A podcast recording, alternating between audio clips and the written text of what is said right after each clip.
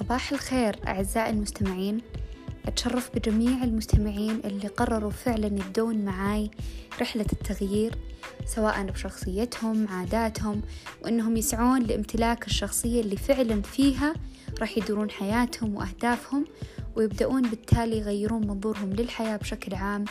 للمواقف لكل شيء من جميع النواحي.